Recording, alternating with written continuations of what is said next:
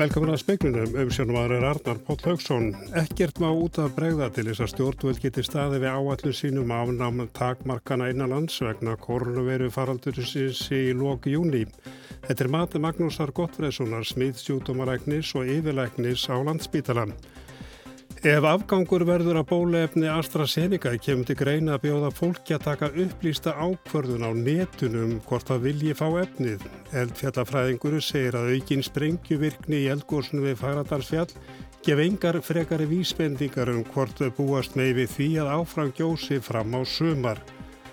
Þingnemdi í Brasili hefur hafið rannsókn á aðgerraleysi fósita landsins vegna COVID-19 faraldusins. Sjúdómurinn hefur orðið hátt í 400.000 landsmönnum að bana.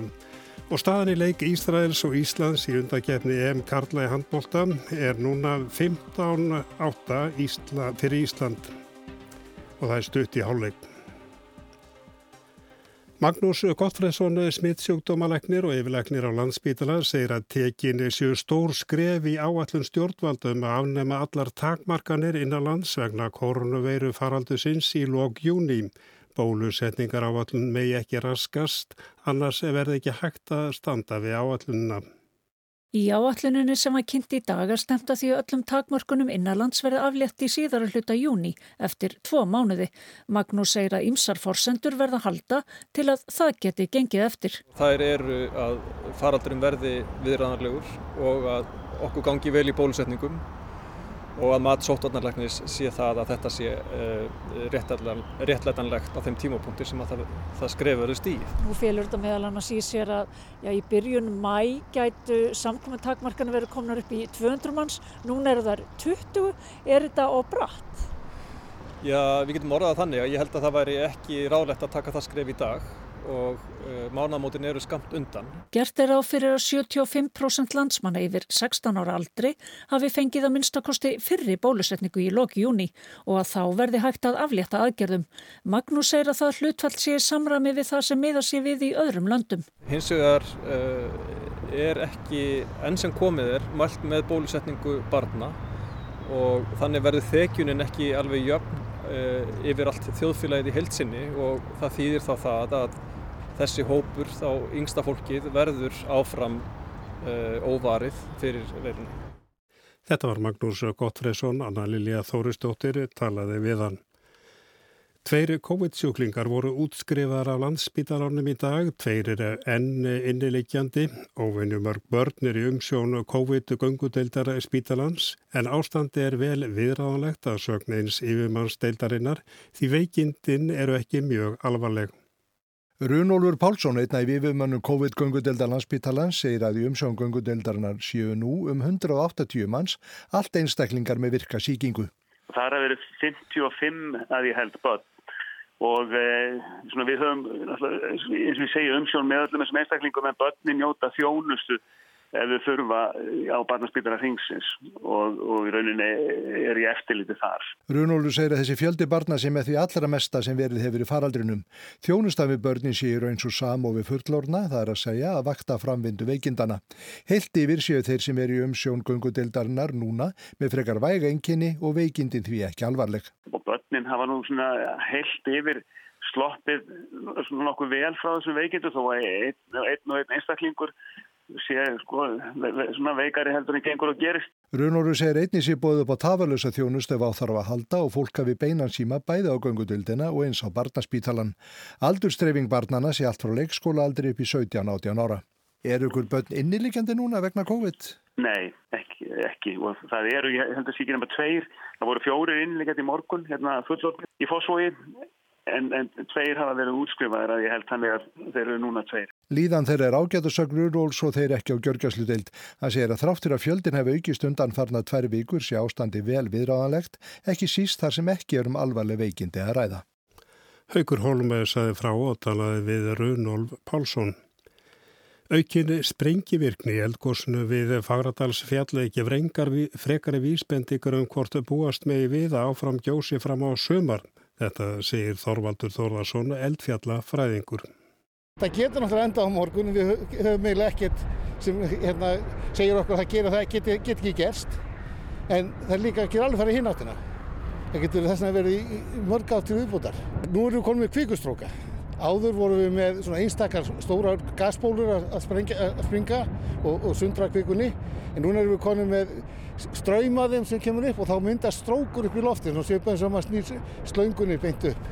Hvað heldur þú sé að koma mikil kvika, hraunkvika úr þessu? Þetta er svo mikil hraði og kraftur. Já, það verður, sko, það er að hugsa að þetta eitthvað er bæst í gósið. En það er greinlega mesta magnið af kvikunum sem er að koma upp í gósinu er að koma upp um þennan gígi ögnablikinu. Sagði Þorvaldur Þórðarsson í vital við Þórtísi Arljósdóttur við góðstöðarnar í dag. Öldungadeildi brasilíska þingsins hófi í dag rannsókn á aðgerðalýsi Sjás Bolsonaros fórseta vegna COVID-19 farsóttarinnar. Hún kann að verða honum fjöturum fót í baróttunni fyrir endurkjöri. Faraldurinn hefur dreyið hátt í 400.000 brasiljumenn til dauða til þessa. Einugis bandaríkja menn hafa farið verð út úr honum. Sér Bolsonaro fórseti hefur gert lítið úr COVID-19 eða ráðleggingum sérfræðinga og heilbriðisviði, sagtu veikindin ekkert alvarlegri en hverja aðra influensu, gert grínað hlýðargrímum, andmælt bólusetningum og hrósað virkni lifi á borð við hydroxyklorokrín sem eh, vísindamenn segja ekki gera neitt gagn í baróttunni við veiruna.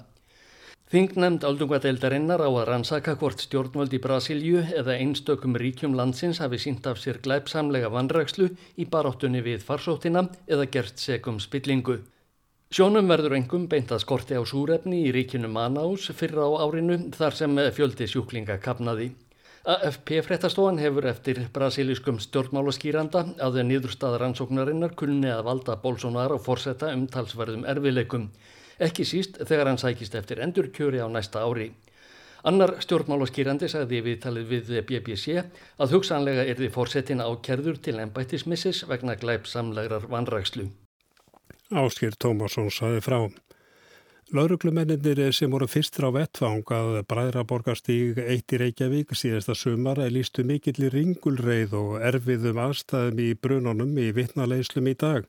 Lauruglumadur sem rætti við fyrstu vittni sagði að fljótlega hefði verið talið að um íkveiki væri að ræða og að nágranni hefðum leiði talið sér vita hver kveikt í. Marek Mósinski er ákjörðu fyrir þrjú mandráp og tíu mandráps tilraunir með því að kveikja í húsinu á horni Bræðra Borgastíks og Vestugötu síðasta sumar.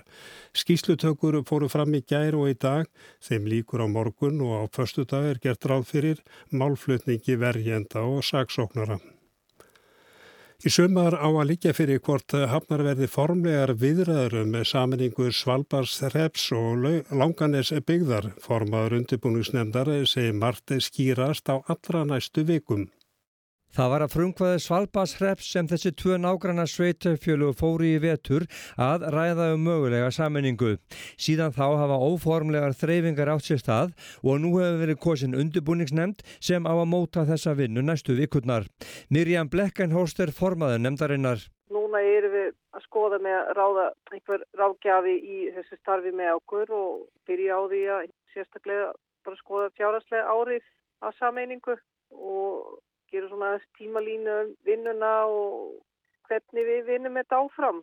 Svalbashreppur og Langanes byggð starfa saman að öllum helstu verkefnum og hafa gert lengi. Allt grunnskóla og leikskóla starfi sameinlegt, þar er samstarfum slökkvilið og björgunarsveit svo eitthvað sem nefnt. Að mörguleiti er þetta því orðið eitt og sama samfélagið.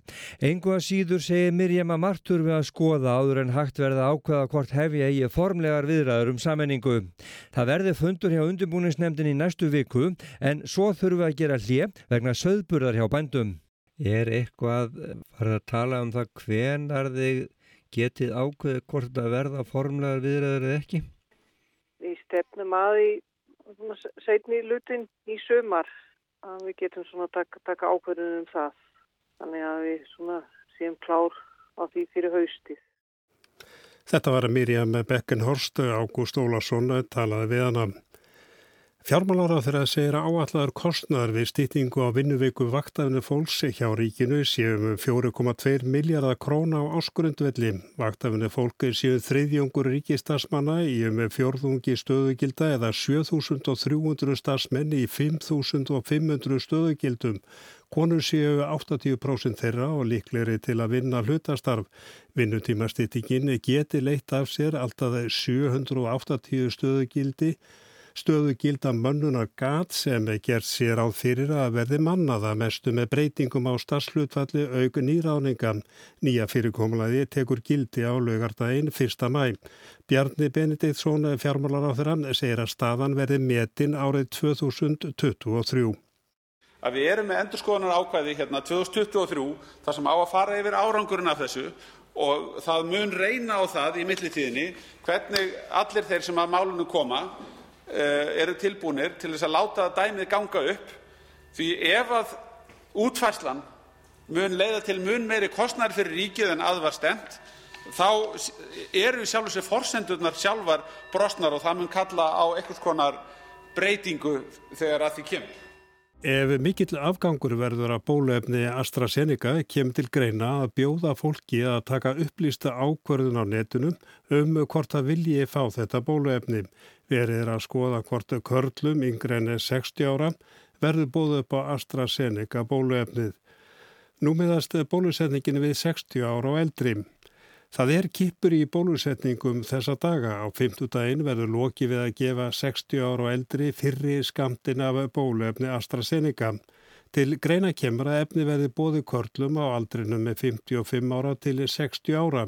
Þórólur Guðnarsson, sótvarnalæknir, segir að það hef ekki enn verið tekin ákvörðun um þetta. Við þurfum bara aðeins að sjá hvernig, hvernig þetta gengur og, og en við, eins og við bent á að þá er áhættan fyrst og fremst hjá konum sem 55 ára á yngri og, og við höfum þess vegna verið að, að skoða það hvort við eigum að bjóða AstraZeneca bólefni hjá sérstaklega kallmönnum yngri en til og með 60 og það kemur bara mjög vel til greina því að þetta bólefni er mjög gott, mjög áhrifaríkt og aukaverkanir af því ekki, sjást ekki hjá þeim hópi og, og er ekki þess vegna neitt meiri heldur bara hjá öðrum bólefnum.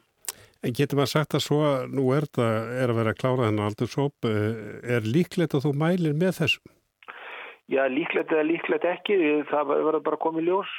Eitthvað er um að fólk vilji ekki þykja bóluefni frá AstraZeneca, þórólur segir ekki séu tiltakar tölur en þær verði tekna saman á næstu dögum. Og nú er verið að bjóða bæði körlum og konum eldrin 60 ára AstraZeneca. Og það kemdi greina að það færa aldustafmarkið niður fyrir 60 ár. En verður það bóði til dæmis konum eldri en 55 ára? Nei, það er spurningi hvort við bjóðum körlum yngre en 60 og hugsanlega 55 ára. Það er ekki alveg ákveðið e, bólefnið, ekki konum. Ef að það verður gert, eh, þá er í fjöldin í þessum aldursópi, þar að segja 55 ára til 60 ára, eitthvað um 8700 og hugsanlega margir búin að, eða ykkur er búin að fá brautu vegna annara eh, mála undirlíkjandi sjúdóma. Eh, ef afgangur verður astraseringa, kemur til greina að bjóða það á einhvers konar eh, opnum eh, bólusetningarmarkaðin? Já, já, það kemur alveg til greina að bjóða fólki. Við erum búin að ræða og við bara gera grein fyrir því hvaða, hvaða áhyggjur við höfum af aukaverkunum og þá getur bara fólk tekið upplýsa ákvörðun og vill að þetta bólefni eða vill að ekki. Það getur alveg komið til greina. Hann segir að hægt er að gera þetta með ymsum hætti. Það getur, það væri hægt að hafa það bara á websíðu og netunni þar sem að fólk uh, myndi, myndi hérna, merkja við eða, eða klikka á napp sem að, sem að gefa þetta kynna að, að, að fólk væri tilbúið að fá það bólefni. En það er ljóst að það stefnir í það að það verði afgangur af þessum 230.000 uh, skömmtum sem Íslandi uh, hefur samið um. Ég það er náttúrulega stefnir í það að við verðum afgang á öllum bólöfnunum vegna þess að við erum með það mikið í heildina að setjum við Janssen bólöfni er 230.000 skantar þannig að við verðum með afgang af öllum bólöfnunum gerir áfrið þau til staði. Áður en aldurs takmarki 60 ára og eldri var sett á AstraZeneca voru rúmlega 8.000 einstaklingar bólusettir með þessu bólöfni. Þeir fá Pfizer eða Moderna í setni bólusetningunni. En er það að skila sama árangrim? Já, nú er ekki til rannsóknir sem að sína fram á uh, nákvæmlega virknina af því að blanda saman bólefni, þar að segja að gefa setningskamtin með öðru bólefni. Við höfum hins vegar reynsluna frá öðrum bólusetningum, öðrum bólefnum uh, sem ekki ekki að COVID, að það gefur bara góða raun og það er engar svona fræðilegar fórsendu fyrir því sem segja akkur það ætti ekki að virka vegna þess að, að, að mótefna vakin í öllum þessum bólumefnum er gegn sama prótinu, þess að svo kallað spike eða S-prótinu þannig að Eh, en, en við, það er ekki komna niðurstöður sem að segja uh, virknin á því en það eru mjög marga þjóðir sem að fara, fara þessa leið og mér finnst hún uh, ekki óskinsanleg. Það verður byrjað að bólusetja með Janssen en núna bara næstu dögum. Hvaða reglur munu gildu um það? Verða setja ykkur aldurstakmörk þegar kemur það í Janssen? Nei, við, mun, við erum að bjóða það öllum, öllum hópum. Það eru mikla rannsóknir sem fara fram á aukaverkunum vegna AstraZeneca. Er komin einhver raunsa í heilsteft mynd af þessum aukaverkunum og byttar þetta feist og fremst á konum yngre enn 55 ára? Já, það er bara ágættis mynd komin á það. Við, það er eh, auka, þessar aukaverkanir sem að hafa sérst, hvar sem er að hafa sérst engum hjá, hjá konum sem er yngri enn 55, jafnvel upp undir 60 Og, og líka þegar við skoðum bara eh, tíðnina á þessum eh, blóðsega og, og hérna, blæðingar vandamálum þá eru þær líka algengastar hjá konum á þessum aldri. E, við, það eru til náttúrulega margar tegundir af svona blóðsega og blæðingar vandamálum en við erum fyrst og fremst hér að tala um þessa alvarlegri tegundir af, af blóðsega og blæðingar vandamálum sem að koma í heila, sem að koma í bláæðar, í kvíðarhóli og, og svo eina tegund enn sem að tengist uh, fælkuna blóðflugum og ef við skoðum uh, bara tíðnina Erlendis og færum hana yfir á Ísland á þessum tegundum þá getur við búist við að sjá bara í vennilegu afferði um það byrj 60-70 á ári með slík, slík vandamál. Þannig að þetta er ekki og, og við AstraZeneca til dæmis í Breitlandi þá sjást þessar, þessi vandamál, þessi blóðseg og blæðinga vandamál, þessi alvarlegri tegundir hjá um það byli kannski e, svona e, 6 af miljón bólusetningum. Það er nú ekki meir en það. Það er algengar annar staðar í Evrópu. Það er svolítið breytilegt þetta löndum. Þetta var Þórólfur Guðnarsson.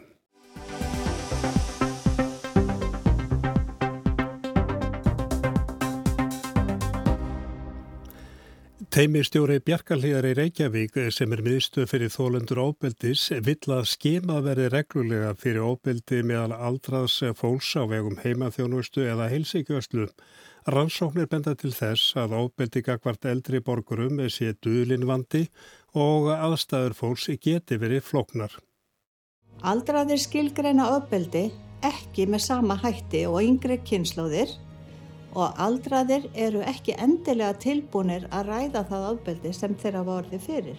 Þarna má heyra upp af einnar þeirra auglýsingar sem að neyðarlínan hefur kert síðustu vikur og rætlað að vekja aðtigli eldra fólks á að leita sér aðstóðar að það verður fyrir einhvers konar ofbeldi. Það er talið að ofbeldi gegn eldri borgurum sé falin vandi hér á landi eins og annar staðar og hér eins og í löndunum í kringum okkur hefur fólk vaknað til vitundar um hann undan farin ár. Ragnarbjörg Guðbrandsdóttir, teimistjóri Bjarkarhlíðar sem er með stöð fyrir þólendur ofbeldis, segir að það hafi valdið áhyggjum hver fáir í eldstu aldurshópunum hafi leitað til þeirra þar sem bæði erlendar rannsóknir og íslenskar úttektir bendi til þess að aldraðir séu viðkvæmur hópur í þessu tilliti og gæti verið útsettur fyrir ofbeldi. Þarna kemur náttúrulega líka inn þessi mikla skömm sem fylgir því að vera þólandi ofbeldis og bæði ef að það er einhver sem þú ert í nánu sambandi með og kannski búin að vera með í 40, 50, 60 ár á ég allt í hann að fara að byggja um hjálp en auðvitað náttúrulega þarf fólk að hafa upplýsingarnar og þarf fólk að vita að það er hægt að byggja um hjálp og það er hægt að, að fá aðstóð af því að þetta eru, eru oft hættulegar aðstæður. En eldra fólk kemur samt, fleiri konur en karlar og Ragnar minnir á að það takki karlmenn oft lengri tíma að leita sér aðstóðar. Aðstendendur koma líka með áhyggjur af sínu fólki. Oft bara að, að annað fórildi þeirra sé að beita hitt ábeldi og hvernig þau eigi að ræða þetta við fórildra sína eða hvað sé hægt að gera og svona hvaða kerfi það eru sem geta gripi fólk þegar að þessar áhyggjur koma upp. Eldri borgarar eru afar fjölmennur hópur og fjölbreytilegur. Hugtækið spannar marga áratvíi. Sumir er eins og þeitisbjöld á milli golvalla, menningar, viðburða, fjálstinda og flugvalla en aðrir eru veikir og þurfa mikla aðlýningu. Hverjir eru það sem að Ragnar hefur helst áhyggjur af? Já, það er náttúrulega kannski þessi hópur sem að, þarf meiri umhyggju eða meiri aðstóð við daglegt líf sem að er uh, kannski háð aðstandendum eða háð maka bæði í sambandi við líf eða sambandi við, við mat eða, eða komast sinna leiða. Og ef að, að þarna er ekki hugað að og ef að, ef að það verður með skapast aðstæður þar sem að annar aðilinn fer að halda þessum eins og nöðsuljum lífjum frá eða, eða umönnuna þá þarf náttúrulega að grípa inn í og þarna er náttúrulega mjög mikilvægt ef að, ef að það er komin eins og heimahjógrun eða, eða heilsugjæslan er, er, eða félagstjónstan er inn í, inn í þessum málum að ég tel að það sé mjög mikilvægt að það komi svona reglubundin skimun í þessa þjónustu fyrir þennan viðkvæma hóp þannig að þessi mál séu gripin. Þetta er oft viðkvæm mál og flókin. Stundum geta alvarleg veikindi valdið persónuleika breytingum. Stundum verður fólk fyrir ofbeldi en á hjúgrunarheimilum og stundum eru það uppkominn börn sem beita fóreldra sína ofbeldi. Þeir eru til að mynda að var kröfuhörð á peninga. Þetta er viðkvæmur hópur og, og við viljum að sjáum og þekkjum fjárhagslegt ofbeldi þar sem að í þessum hóp þar sem að, að fólk eh, reynlega treystir sér ekki eða þorir ekki að neyta um fjárstuðning og þarna eru mál sem að geta bara gengið mjög langt þar sem að fólk er bara virkilega rætt og þarna held ég að sé mikil skömm þannig að fólk þorir ekki að byggja um aðstóð. Greiningadeild Ríkislauruglustjóra setti fram sjö ábendingar um hvernig megi bæta stöðu þessara mála í skýrsluðum ofbeldi gegn öldröðum sem kom út í mars.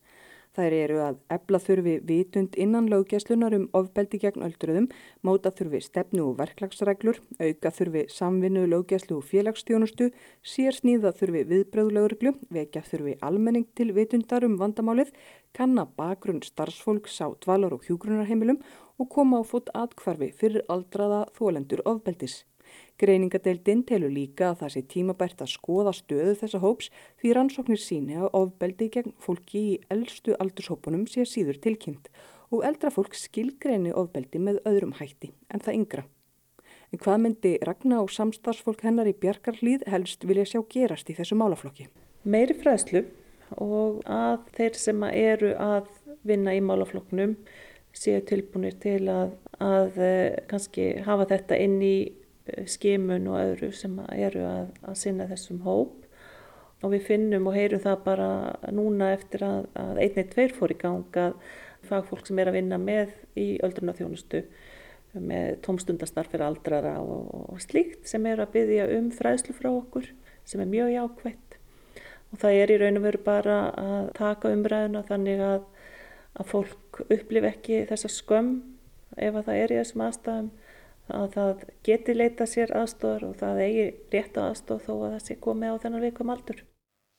Þetta var Ragnar Björg Guðbrandsdóttir, er Ragnhildur Torlasíður sem tók saman.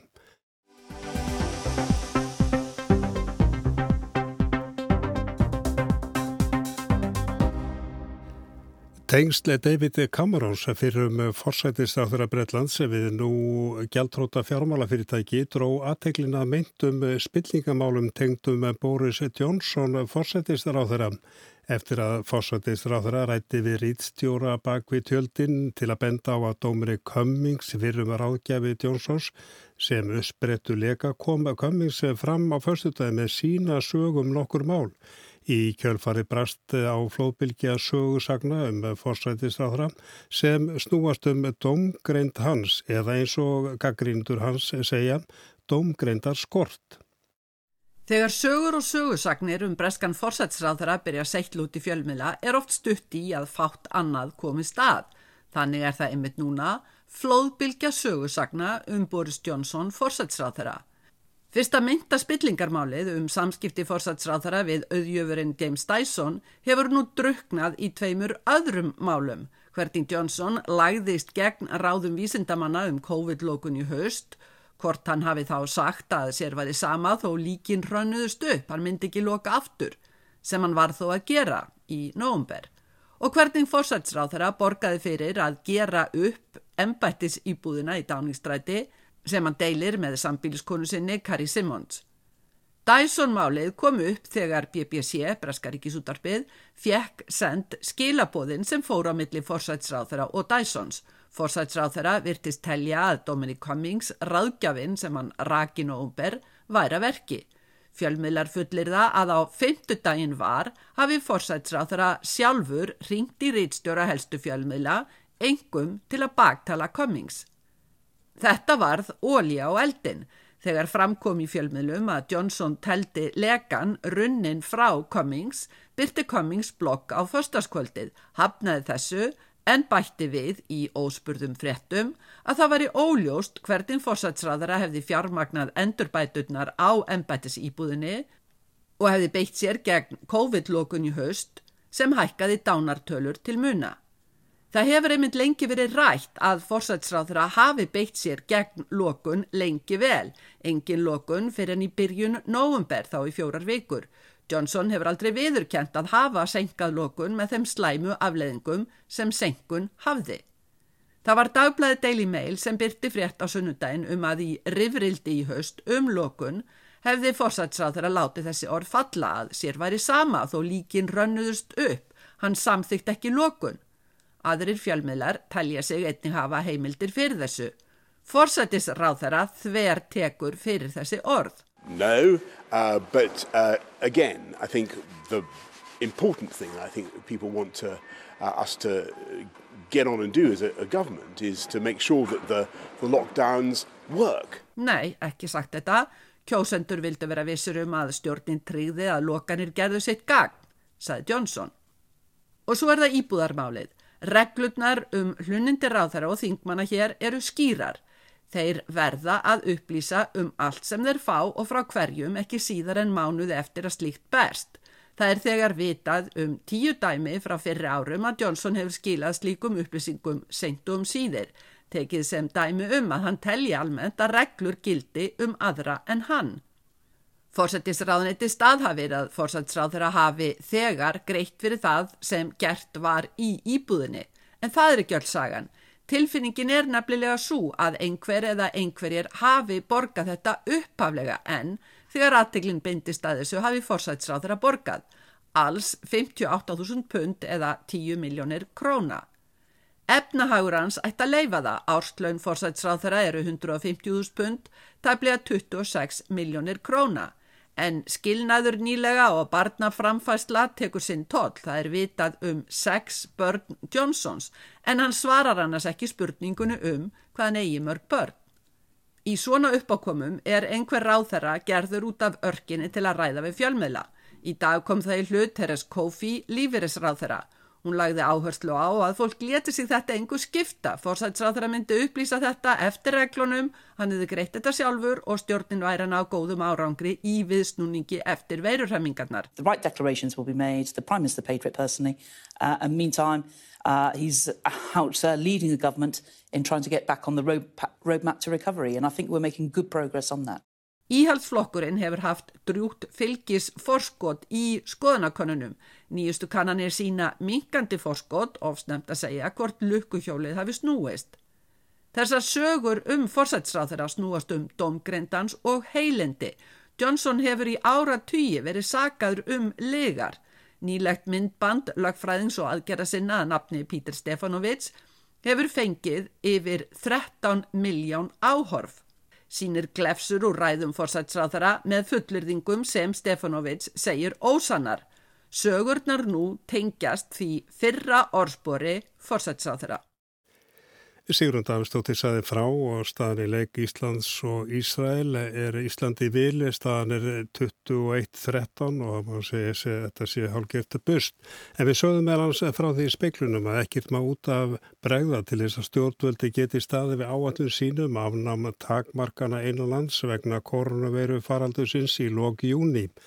Þetta er matið Magnúsar Gottfræsunar smiðsjúkdómalegnis og yfirlegnis á landsbítalan. Ef afgangur verður að bóluefni AstraZeneca kemur til greina að bjóða fólki að taka upplýsta ákvörðun á netinu um hvort að vilji fá efnið og eh, Eldfjallafræðingu segir að aukin sprengivirkni í eldgósnu við Faradalsfjall ekki ef engar frekari vísbendugum hvort búast með við því að áfram gjósi fram á sömar. En það er ekki fleira í speklunni kvöldu tæknumöður var Magnús Þorstein Magnússon veriði sæl.